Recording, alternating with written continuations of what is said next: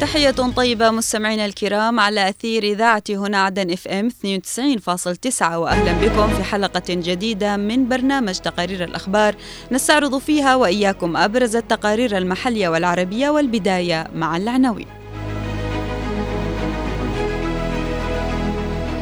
البحسني يثمن وعي أبناء حضرموت ودعمهم لقوات النخبة الحضرمية. بركان غضب في القريب العاجل قادم نحو المعاشيق. الميليشيات الحوثية الإرهابية تستغل العدوان على قطاع غزة بفلسطين.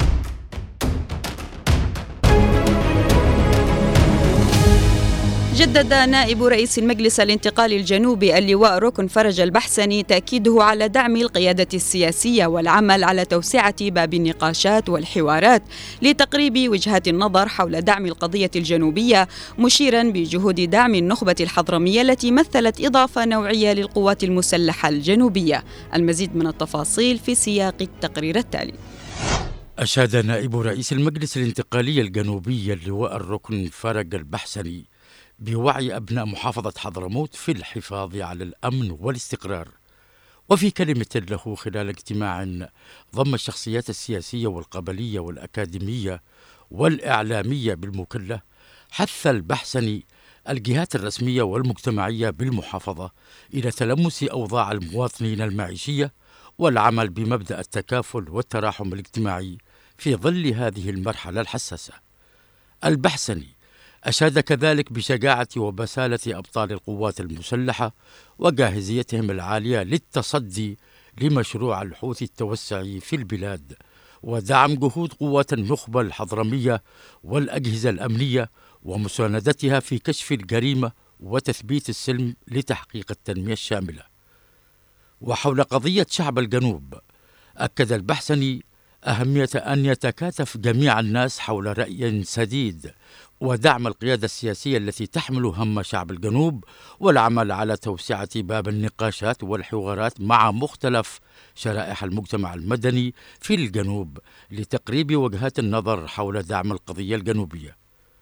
ودعا البحسني الجميع بأن يكثف من التحركات السياسية في هذا الجانب لتوحيد صوت شعب الجنوب نحو الهدف المنشود. هذا وقد أكد البحسني أن المجلس الرئاسي يسعى لوضع حل للأزمة في البلاد من خلال التوصل إلى سلام شامل وعادل ومستدام. ينهي معاناة الحرب العبثية التي خلفتها ميليشيات الحوثي الإرهابية. وأشار البحسني إلى أن الميليشيات الحوثية الإرهابية عرقلت مساعي السلام الأخيرة التي تقودها المملكة العربية السعودية وسلطنة عمان لوضع حل للأزمة في اليمن لافتا إلى أن هذه الخطوة أكدت للعالم أجمع بأن هذه الجماعات لا تؤمن إلا بالحرب والإرهاب وليس لديها أي نوايا أو مبادرات للسلام في المنطقة. لقاء سياسي مهم حرص البحثني على انعقاده من أجل مناقشة مختلف الأوضاع السياسية والاقتصادية والخدمية في حضرموت والوطن وما وصل إليه حال المواطن في المحافظات المحررة من وضع معيشي صعب بسبب الحرب الحوثية الإرهابية وعرقلتها لمبادرات السلام واستهدافها للمنشآت الحيوية في حضرموت والمتمثلة في موانئ تصدير النفط الخام وانعكاس ذلك سلبا على الوضع الاقتصادي في البلاد. كما ناقش اللقاء جملة من الاقتراحات لتعزيز الوضع الاقتصادي والتخفيف من معاناة المواطنين.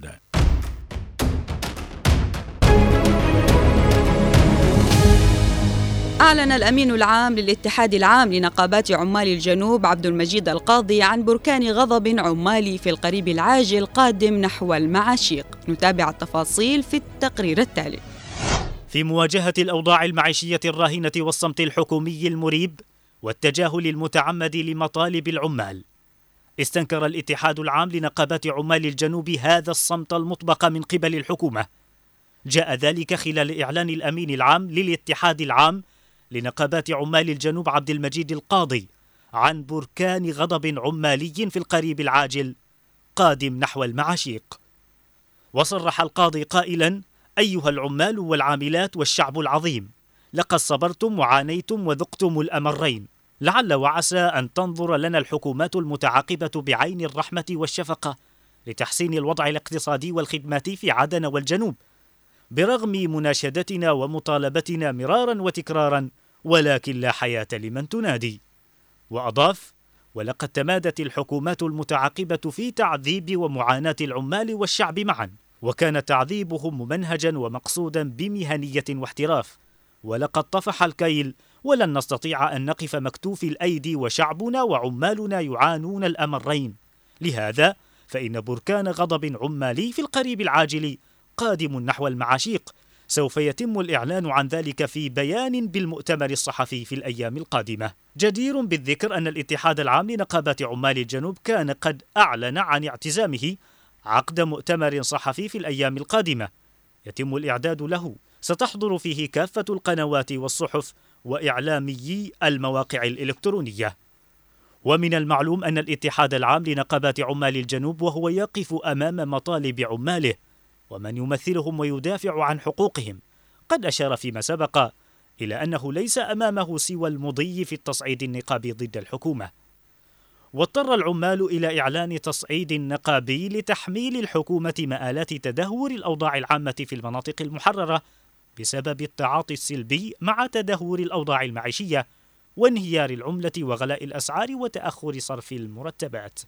وكان بيان سابق صدر في بداية فبراير الجاري قد أكد على التمسك بالتصعيد النقابي وعدم التراجع عنه حتى تستجيب الحكومة لمطالبه.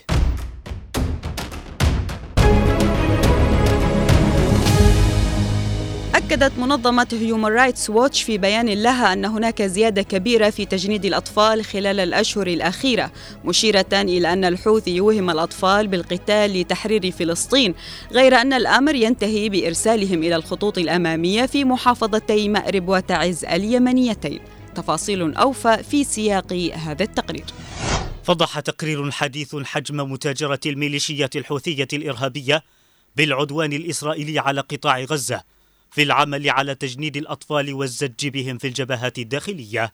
التقرير الذي أصدرته منظمة هيومن رايتس ووتش التي قالت إن ميليشيا الحوثي جندت الآلاف في صفوفها منذ السابع من أكتوبر الماضي وجندت الميليشيات أطفالا لا يتجاوز أعمار بعضهم 13 عاما علما بأن تجنيد الأطفال الذين تقل أعمارهم عن 15 عاما يعد جريمة حرب.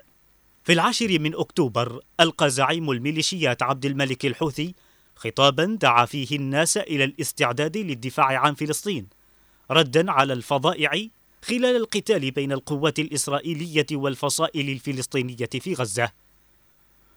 وفي حين يجند الحوثيون الأطفال بشكل ممنهج في اليمن منذ العام 2009 على الأقل إلا أن إقدامهم على تجنيدهم للأطفال زاد بشكل ملحوظ في الأشهر القليلة الماضية وسط الأعمال القتالية في غزة.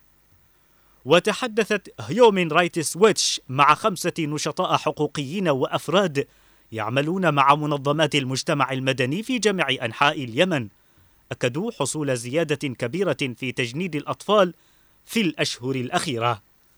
وقالت امرأة تدير منظمة غير حكومية تركز على حقوق الإنسان يجعل الحوثيون الأطفال يعتقدون أنهم سيقاتلون من أجل تحرير فلسطين لكن الأمر انتهى بهم بإرسالهم إلى الخطوط الأمامية في مأرب وتعز. في الواقع غزة التي يقصدها الحوثيون هي مأرب. وأشار التقرير إلى أنه في السادس عشر من نوفمبر الماضي أعلن الحوثيون خلال حفل تخريج الدفعة الأولى من المجندين منذ السابع من أكتوبر الماضي أنهم سيشكلون ألوية عسكرية جديدة لتنفيذ توجيهات الحوثي في العاشر من أكتوبر. يفضح هذا التقرير أحد أبشع الجرائم التي يرتكبها الحوثيون والتي تعمد للعمل على إطالة أمد الحرب عبر العديد من الخطوات التي تتبعها الميليشيات وفي مقدمتها التجنيد القسري للأطفال. وتثير المتاجرة التي تمارسها الميليشيات بالقضية الفلسطينية حالة عارمة من الغضب لكونها تفضح جانبا رئيسا من الإرهاب الذي تمارسه الميليشيات والتي لا تفعل شيئا للقضية الفلسطينية دون المتاجرة بها.